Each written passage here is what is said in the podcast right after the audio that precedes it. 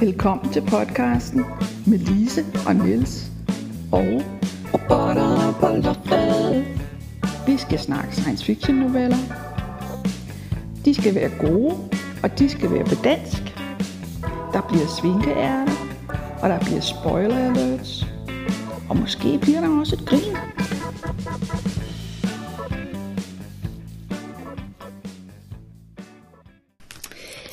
Dag har vi jo en kort historie, der... Det er enten noget med narkotika eller pædofil. Men skal vi ikke starte med, hvad den hedder? Den, den hedder Pusheren, øh, og er skrevet af John Varley. Yes. Lad os høre. Ian kunne godt lide børn. Og lige den dag havde han kigget på en 11-årig pige. Hun viser sig at hedde Radiant, og hun kan godt lide den historie, der ender med, at hun får en stjernesten. Ian er noget med rumskibe. Hans kolleger synes, han er syg i hovedet. De synes også, at jorden ikke har noget at byde på. Så skal vi tage det med det samme. Er han pusher? Ikke i vores betydning af ordet. Altså i den, ja. den mest udbredte betydning af ordet. Han er pusher, men det er en helt anden betydning. så Ja, det det er er en del af med- pointen ja. med historien. Det er ikke noget med piller. øh, nej.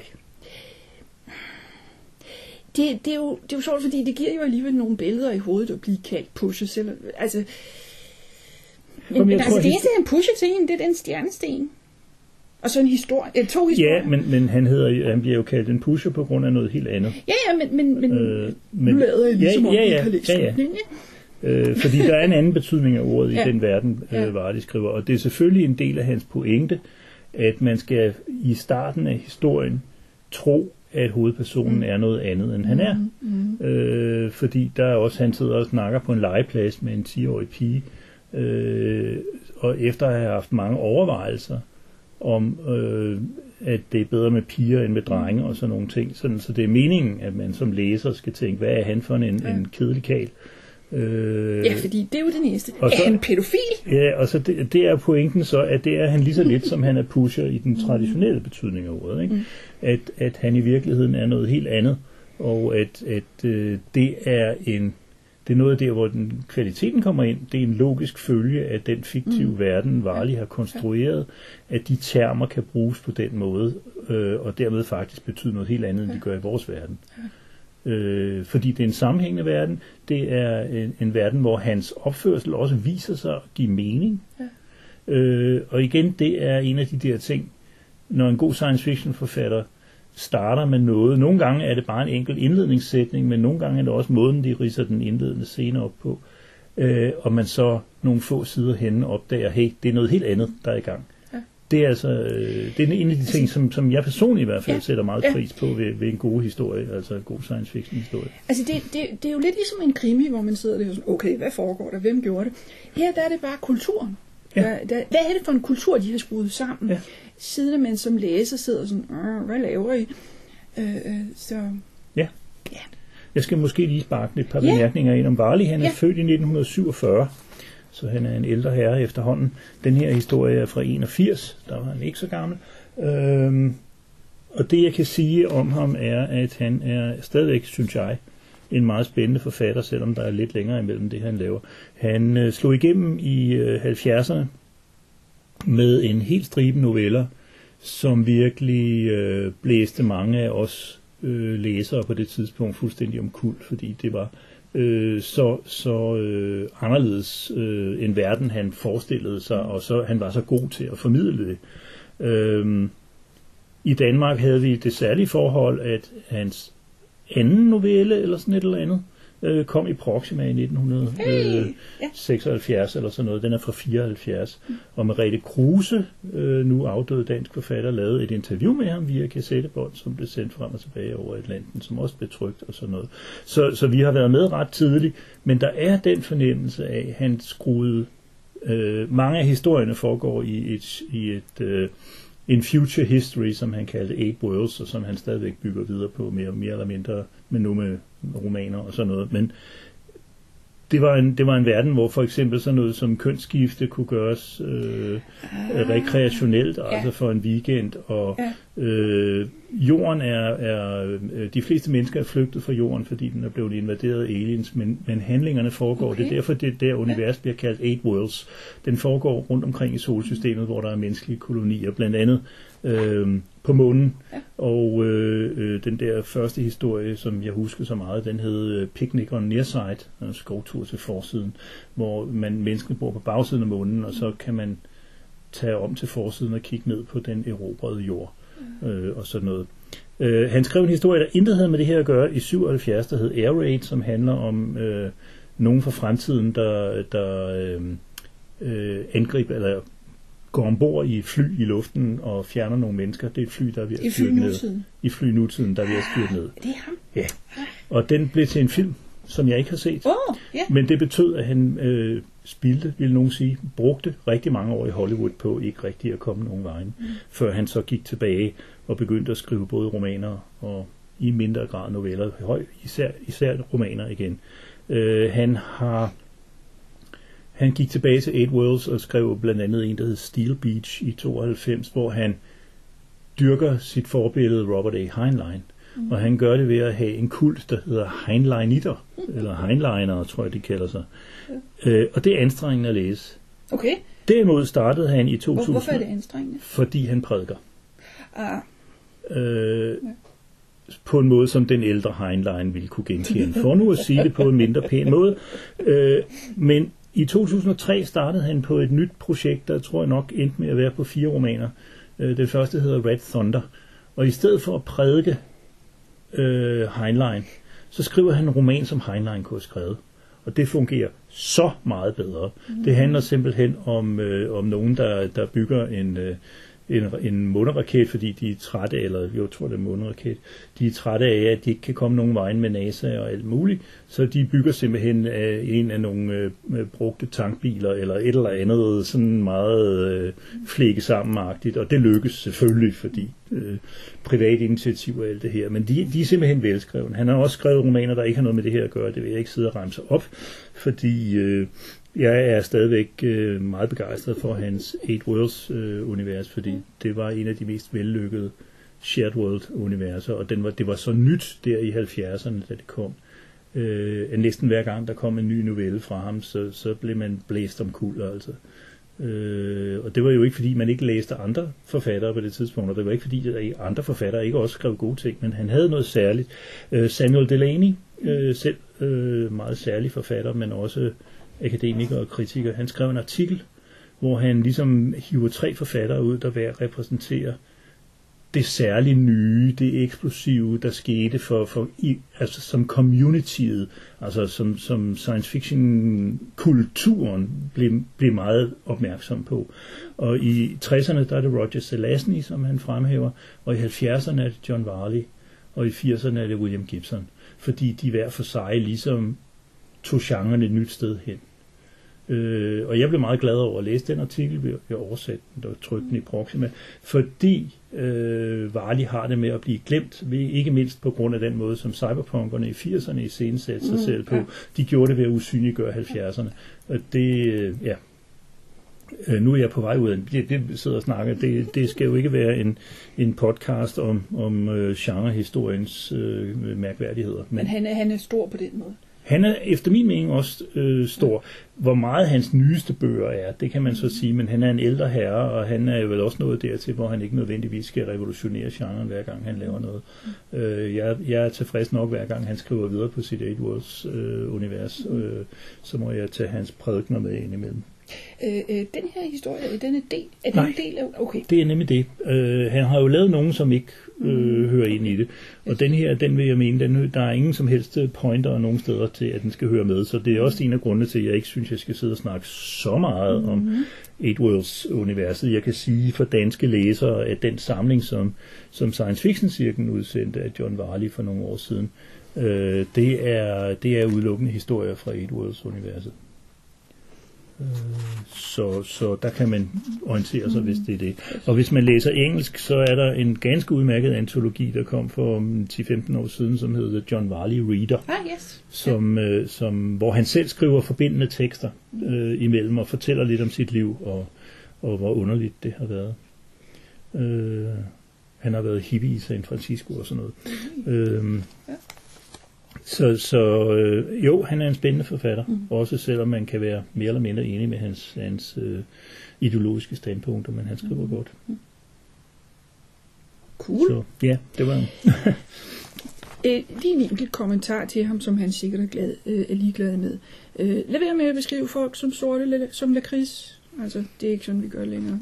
Nej, og særligt ikke eftersom at lakrids jo kan have mange nuancer, men, men øh, Så det. Mhm. Øh, den her historie vendte en Hugo, så han er også stor på den måde. ja, og Så- som jeg, øh, det kan man godt forstå. Altså igen ud fra den der med, den også er nybrydende på, Ja. den, på flere måder. Ikke?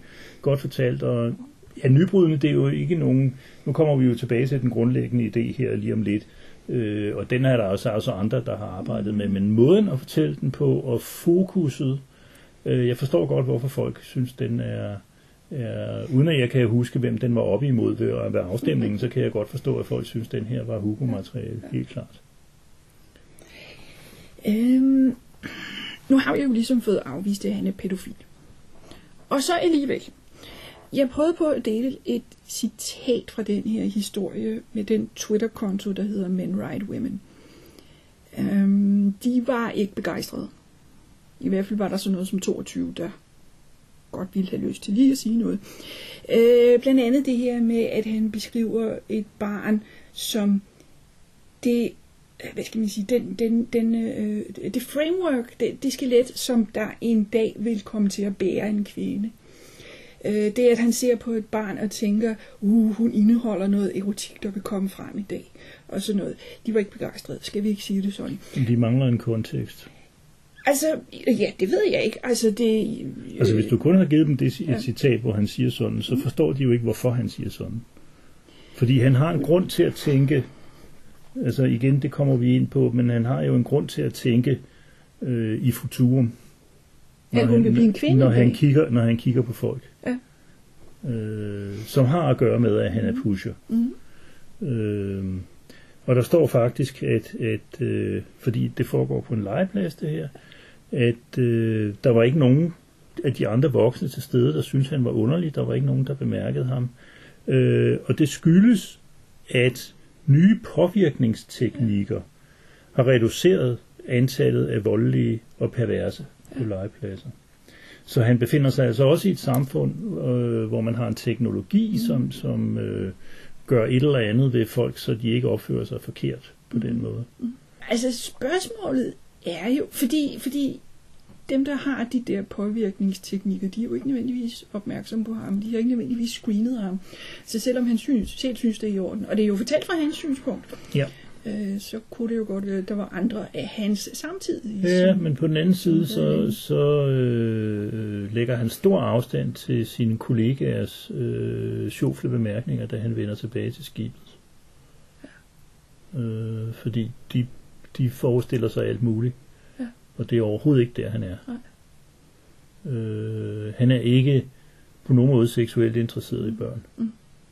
Så, så altså, og det er selvfølgelig klart, at, at øh, øh, historien giver pointer i den retning, for at man skal blive så meget mere overrasket, Ja, når man ja. finder ud af, hvad det handler om. Ikke? Jamen, jamen, det, det er jo ligesom, øh, øh, at han tager Radiant på skødet, det ville jo rejse nogle røde flag. Ja, Øh, men, men det er jo en debat, vi har. Øh, øh, den dukker lidt op en gang imellem. altså julemænd i, Bør mandlige pædagoger have lov til at tage børn på skødet? julemænd i, super, i stormagasiner er holdt op med det. Rent Ja. ja. principielt. De vil ikke rode sig ind Ja. i noget. Og, og det er jo... Det er Er så det bare ærgerligt for børnene, men det er der jo ikke noget at gøre ved. Så Men, ja, men han fortæller en historie ja. til hende der, som du siger hedder Radiant. Radiant. Ja, det altså. Øh, han fortæller faktisk to historier. Øh, den ene er historien om, hvordan det er at være pusher, hvad det er, han faktisk går og laver.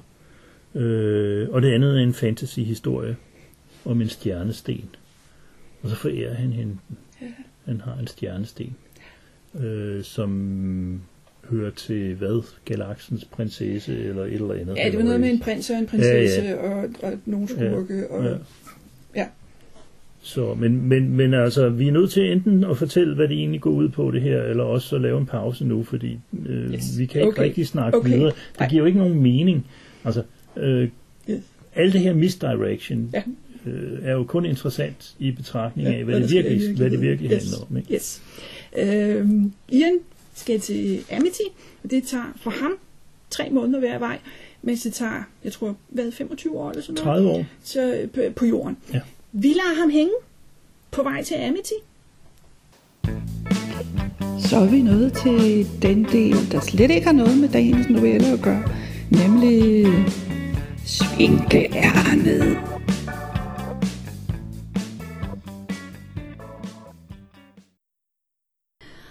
Øhm, jeg kunne godt tænke mig at snakke om en... Det er faktisk en kort roman. Øh, jeg har læst. Den var i Asimovs sidste år. Og den hedder Tullius by the Humans of Danjai County af Derek Kynsken. Jeg øh, håber, jeg udtalte alt det der for, øh, øh, rigtigt. Øhm, det kunne være, at jeg skulle starte med at snakke noget andet. Fordi jeg er optaget af historier, der har et quick fix. Altså den hurtige og lige vej til at gøre verden til et bedre sted. Øh, Så som den novelle, der handler om, hvad nu hvis vi alle sammen fik en virus, der gjorde os til godgørende mennesker. Øh, eller... The Giving Plague Nemlig. Eller... af David Brent, skal lige tilføje. Ja. Øh, eller øh, hvad nu hvis der kom nogen og gjorde noget ved jorden? Jeg ved ikke helt hvad. Det er rumvæsener. De har mange gode idéer. Øh, men de gør noget ved jorden, sådan så vi ikke længere kan bygge og bruge atomvåben. De kan godt bruge bue og pil, men der kommer lige en periode, hvor vi ikke kan bygge masseødelæggelsesvåben. Øhm, Jeg ved ikke, om jeg kan komme med et indspark, Mm. Ja. øh, fordi hvis du snakker om et quick fix mod, hvad skal vi sige, civilisationens dårligheder, Ja. så er en af de meget markante historier, historier den blev skrevet af Frederick Brown og hedder The Waveries, på dansk hedder den Elektritterne. Åh oh, ja, Og ja. der kommer simpelthen nogle aliens, som spiser radiobølger, eller lever af energi. De er energivæsener, og de Ja. lever af, af sådan noget som radiobølger. Ikke? Ja. Og det vil sige, at elektriciteten forsvinder. Øh, radio forsvinder, fjernsyn forsvinder. Jeg kan ikke engang huske, om man er begyndt at snakke rigtig om fjernsyn. Den er vist fra begyndelsen af 40'erne, men, mm. men radioen forsvinder. Og øh, bilerne kan jo heller ikke fungere. Øh, men rent faktisk, så fremstår det som om, i hvert fald fra fortællerens synsvinkel, at det er fuldstændig herligt. Altså. Han render ikke rundt og jubler, Okay. men han snakker om en stille tilfredshed. Ja. Vi er gået tilbage til at køre med hestevogne, Ja. og jeg tror, øh, altså, øh, sådan så, at øh, det er en indgriben udefra, mm. som skruer en udvikling tilbage, som mange har følt går for stærkt eller går i en forkert retning. Ikke? Og det kan man så efter behov se som en reaktionær eller en, en, en øh, altså, øh, Niels E. Nielsen har meget af det samme med, at der skal en katastrofe til, før vi kan begynde at bygge op igen. Ikke? Og øh, han er dog også meget bevidst om det tab, som de der katastrofer som regel indebærer. Ikke? Men, men, men øh, øh, jeg tænker tit, eller når, når jeg hører sådan nogle ting, så er det som regel elektritterne, jeg tænker på, når The. Det, altså, ja, altså, ja og nej, fordi så vidt jeg husker, så snakker de også om, at elektritterne måske kun er de første. Altså det kan være, der kommer... Nu vil de opdage, Ja. at der er liv på jorden. Ja. Så kan det godt være, at der kommer, hvad ved jeg, andre, som godt kan lide menneskekød. Mm. Øh, man ved det jo aldrig, så måske er det ikke så godt i den lange, på den, på den lange bane. Det ved jeg ikke. Lad os komme tilbage til, til uh, uh, Tool Used by the Humans of this county. Uh, uh, det, det er ikke et quick fix, den handler om, men det er en historie om at bruge et redskab på en bestemt måde, nemlig kunstig intelligens. Det er en historie, der spænder over nogle, over nogle årtier. Den foregår i Kina, i en bestemt provins. Øh, og der er en idé om, at hvis gode mennesker laver gode kunstige intelligenser, øh, så er det noget, der batter. Hvis man for eksempel laver en HR-kunstig intelligens, så kan man lære den, at både kvinder og mænd bør behandles ordentligt. Og at hvis det ikke bliver overholdt, så skal man snakke med ledelsen. Hvis ledelsen ikke vil, vil noget, så skal man melde det til politiet. Øh, altså, det, det, man bygger etik ind i den. og så sælger man den til folk. Fordi så er man med til at påvirke, hvordan de firmaer, der har købt de her kunstige intelligenser, kommer til at arbejde fremover. Øh, ligesådan hvis man bygger en dommer kunstig intelligens, så det er igen bygget ind i den. Lad nu være med at kende forskel på mand og kvinde. Lad nu være med at kende forskel på rig og fattig. Øh, for det første, så er det smadret godt at bygge dem, fordi der, der kunne være 100, 100 gange flere dommere i den her provins, så ville de måske efterhånden indhente puklen. Øh, og man ville igen være nogenlunde sikker på, at sådan de mest almindelige snublesten ville sådan en kunstig intelligens komme udenom i hvert fald. Øhm, og det gør de her mennesker så. De bygger de her kunstige intelligenser med den her, kunne man kalde det en skjult dagsorden, øhm, og verden bliver et bedre sted. Altså de ender med, med hvad det hedder, øh, borgerløn og, og, og sundhed og længere liv og, og alt muligt. Så, hvordan yeah. hvordan øh, klarer han problemet med at skrive øh, en, en positiv utopisk historie? Fordi vi ved jo alle sammen, at det er sværere at skrive sådan en, end det er at skrive en, hvor det hele går i helvede til, fordi så er der ligesom indbygget en spændingskurve i det. Ikke? Øhm, altså det her, det er jo mennesker, der stadigvæk skal prøve på at gøre. Altså det er først i slutningen af historien, vi rigtig kommer frem til det. De personer, som vi har fuld tid til, øh, øh, der er en, der er død. Der er en, som bare med, må erkende, jeg er 100 år gammel, det her det er ikke min verden længere. Jeg forstår slet ikke det, det de, de snakker om, at vi er nødt til at tjene penge, og at, at øh, øh man er nødt til at have ambitioner. Og, og det, det, det, det er slet ikke det, de er interesseret i, fordi de har et sted at bo, de har noget at spise. De, de forstår slet ikke det der med, at om vi skal også hosle. Øh, så, så jeg tror, for de mennesker, der er i det, øh, som fedt, jeg har et sted at bo, jeg kan selv bestemme, om jeg vil være poet, eller, eller øh, øh, køre en truck, eller, eller øh, bygge huse, eller hvad jeg nu har lyst til. Øh, det, det, rigtig mange funktioner er overtaget af kunstig intelligens, og det er en god ting. Ja, og jeg synes, det, altså, når jeg spørger, så er det jo fordi, jeg synes, det lyder meget positivt ja. i forhold til det, vi ser i den virkelige verden, mm-hmm. hvor øh, kunstig intelligenser generelt ikke virker, øh, altså for eksempel ansigtsgenkendelse ikke øh, virker ja. optimalt og sådan ja. nogle ting, ikke? Øh, så der er et stykke vej nu, men det er selvfølgelig en science fiction forfatter frit for at forestille sig, at man faktisk kan få lortet til at fungere. Øh, det er bare, at de historier, man hører i det virkelige liv, de går ikke i den retning. Altså, altså, nu ved jeg så heller ikke, om de her kunstige intelligenser, vi kunne lave ansigtsgenkendelse på andet end kinesere. Mm-hmm. Øh, men, men det er i hvert fald det, man får at vide. Øh, det er dygtige mennesker med gode hensigter, der gør det her, og det lykkes. Og, og, og, og selv da, så er, det, så er der, øh, så er man jo ikke nødvendigvis tilfreds med at den måde. Altså, de, de mennesker, der er vokset op med det gamle system, de er jo ikke nødvendigvis tilfredse med, at man kommer til det nye.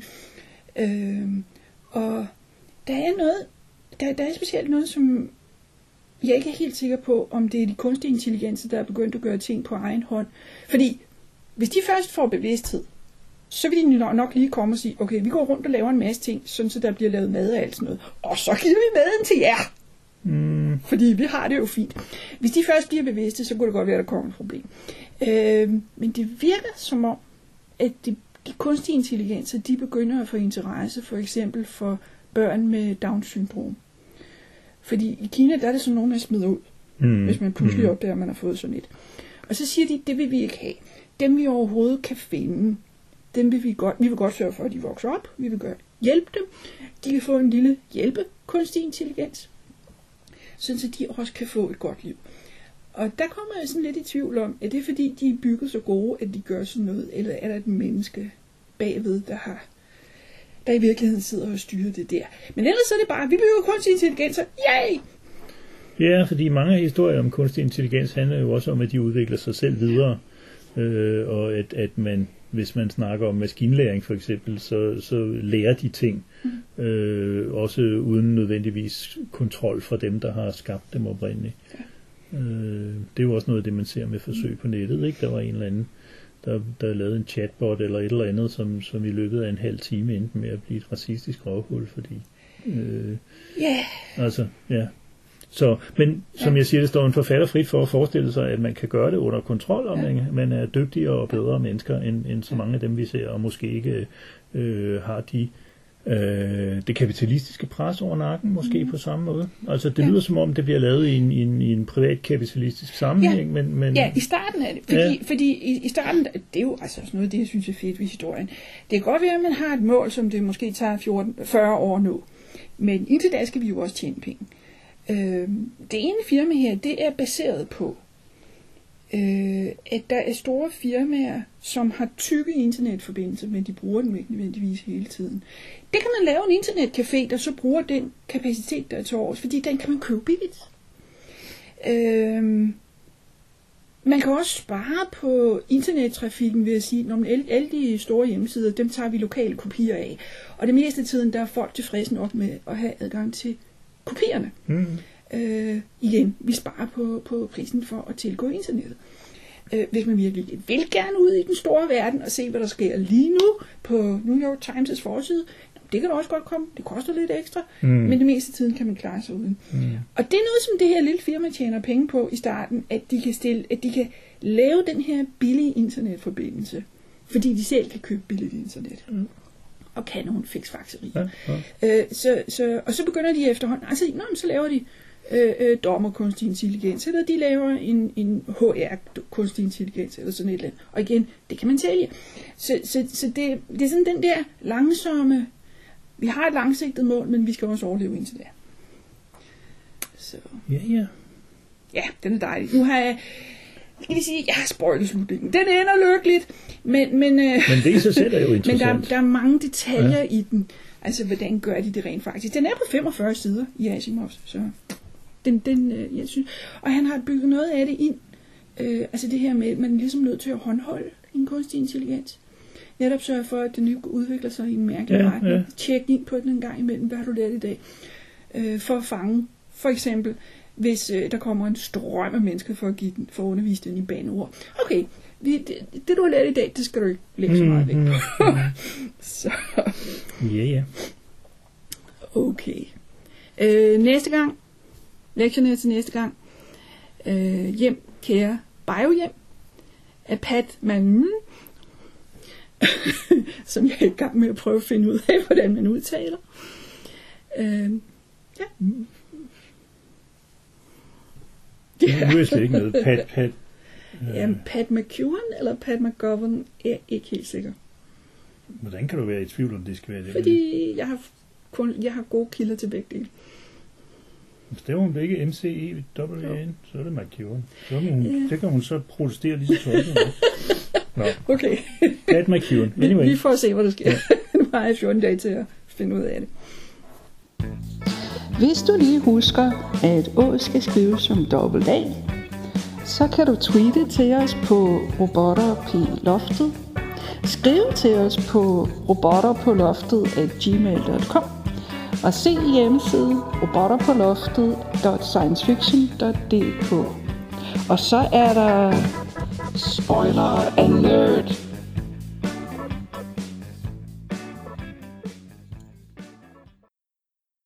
Tilbage til historien.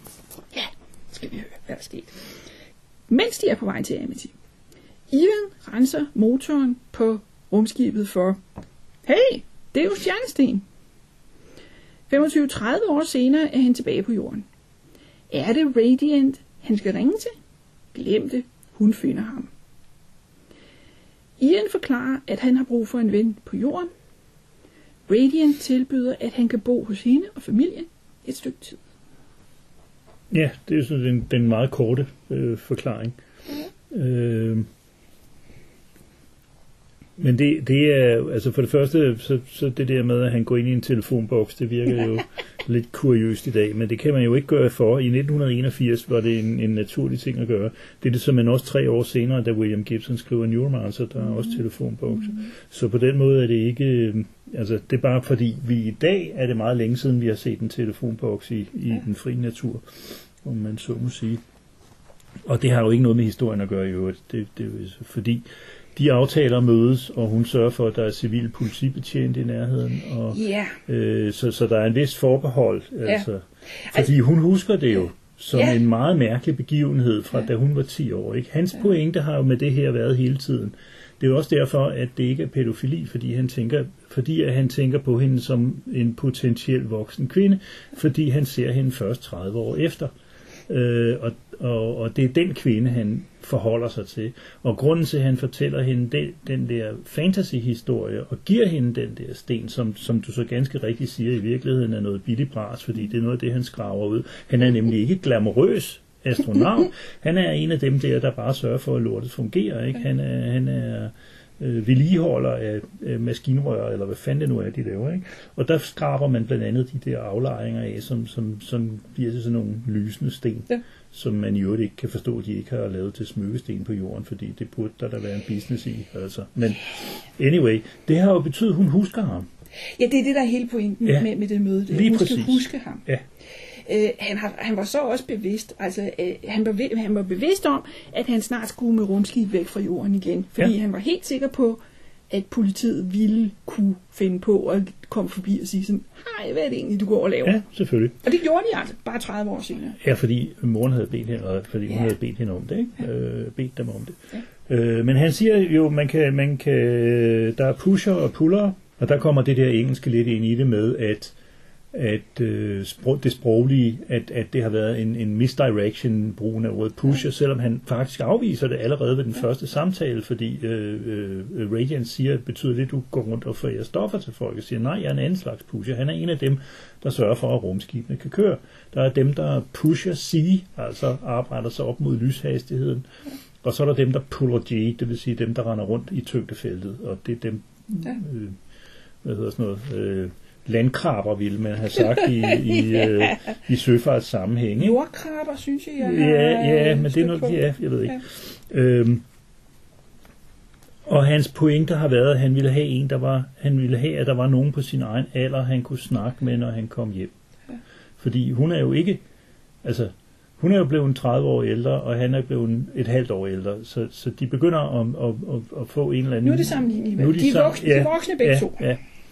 Så, og, og øh, det, det tyder på at ende lykkeligt, fordi øh, hun inviterer ham til at komme hjem og bo. Øh, og så spørger han, om, om hendes mand vil have noget imod det. Så siger hun, hverken, hverken min mand eller min kone. Øh, og hun har en datter, eller hun har børn i hvert fald. Øh, så der er en mulighed for, at, at det ligesom kan fortsætte. Mm. Sådan så, at når han kommer igen om 30 år igen, Ja. så, så er der en ny, han kan snakke med. Ja. Og jeg forstår den der, det der behov, fordi øh, man bliver jo løsrevet totalt fra menneskeheden, øh, når man arbejder ved relativistiske ja. hastigheder. Det er der jo skrevet andre historier om også, som, som øh, vi kan nævne, men, men, men, men hvad gør man altså? Øh, der er jo nogen, og igen, jeg kan ikke lige på siddende balle huske hverken forfatter eller titel, men der er jo nogen, der beskriver det som, at de her mennesker, øh, de her rumfolk, de kan kun omgås hinanden, fordi der er ingen andre, der, de har en, der har en fælles referenceramme med dem overhovedet. De er totalt isoleret fra den menneskehed, som de tjener. Ikke? Du har nogle flere eksempler. Ja, øh, ja, nej, men jeg vil lige... For, fordi jeg læste den omhyggeligt, fordi jeg huskede den som, at den sluttede med, at den her familie adopterer ham.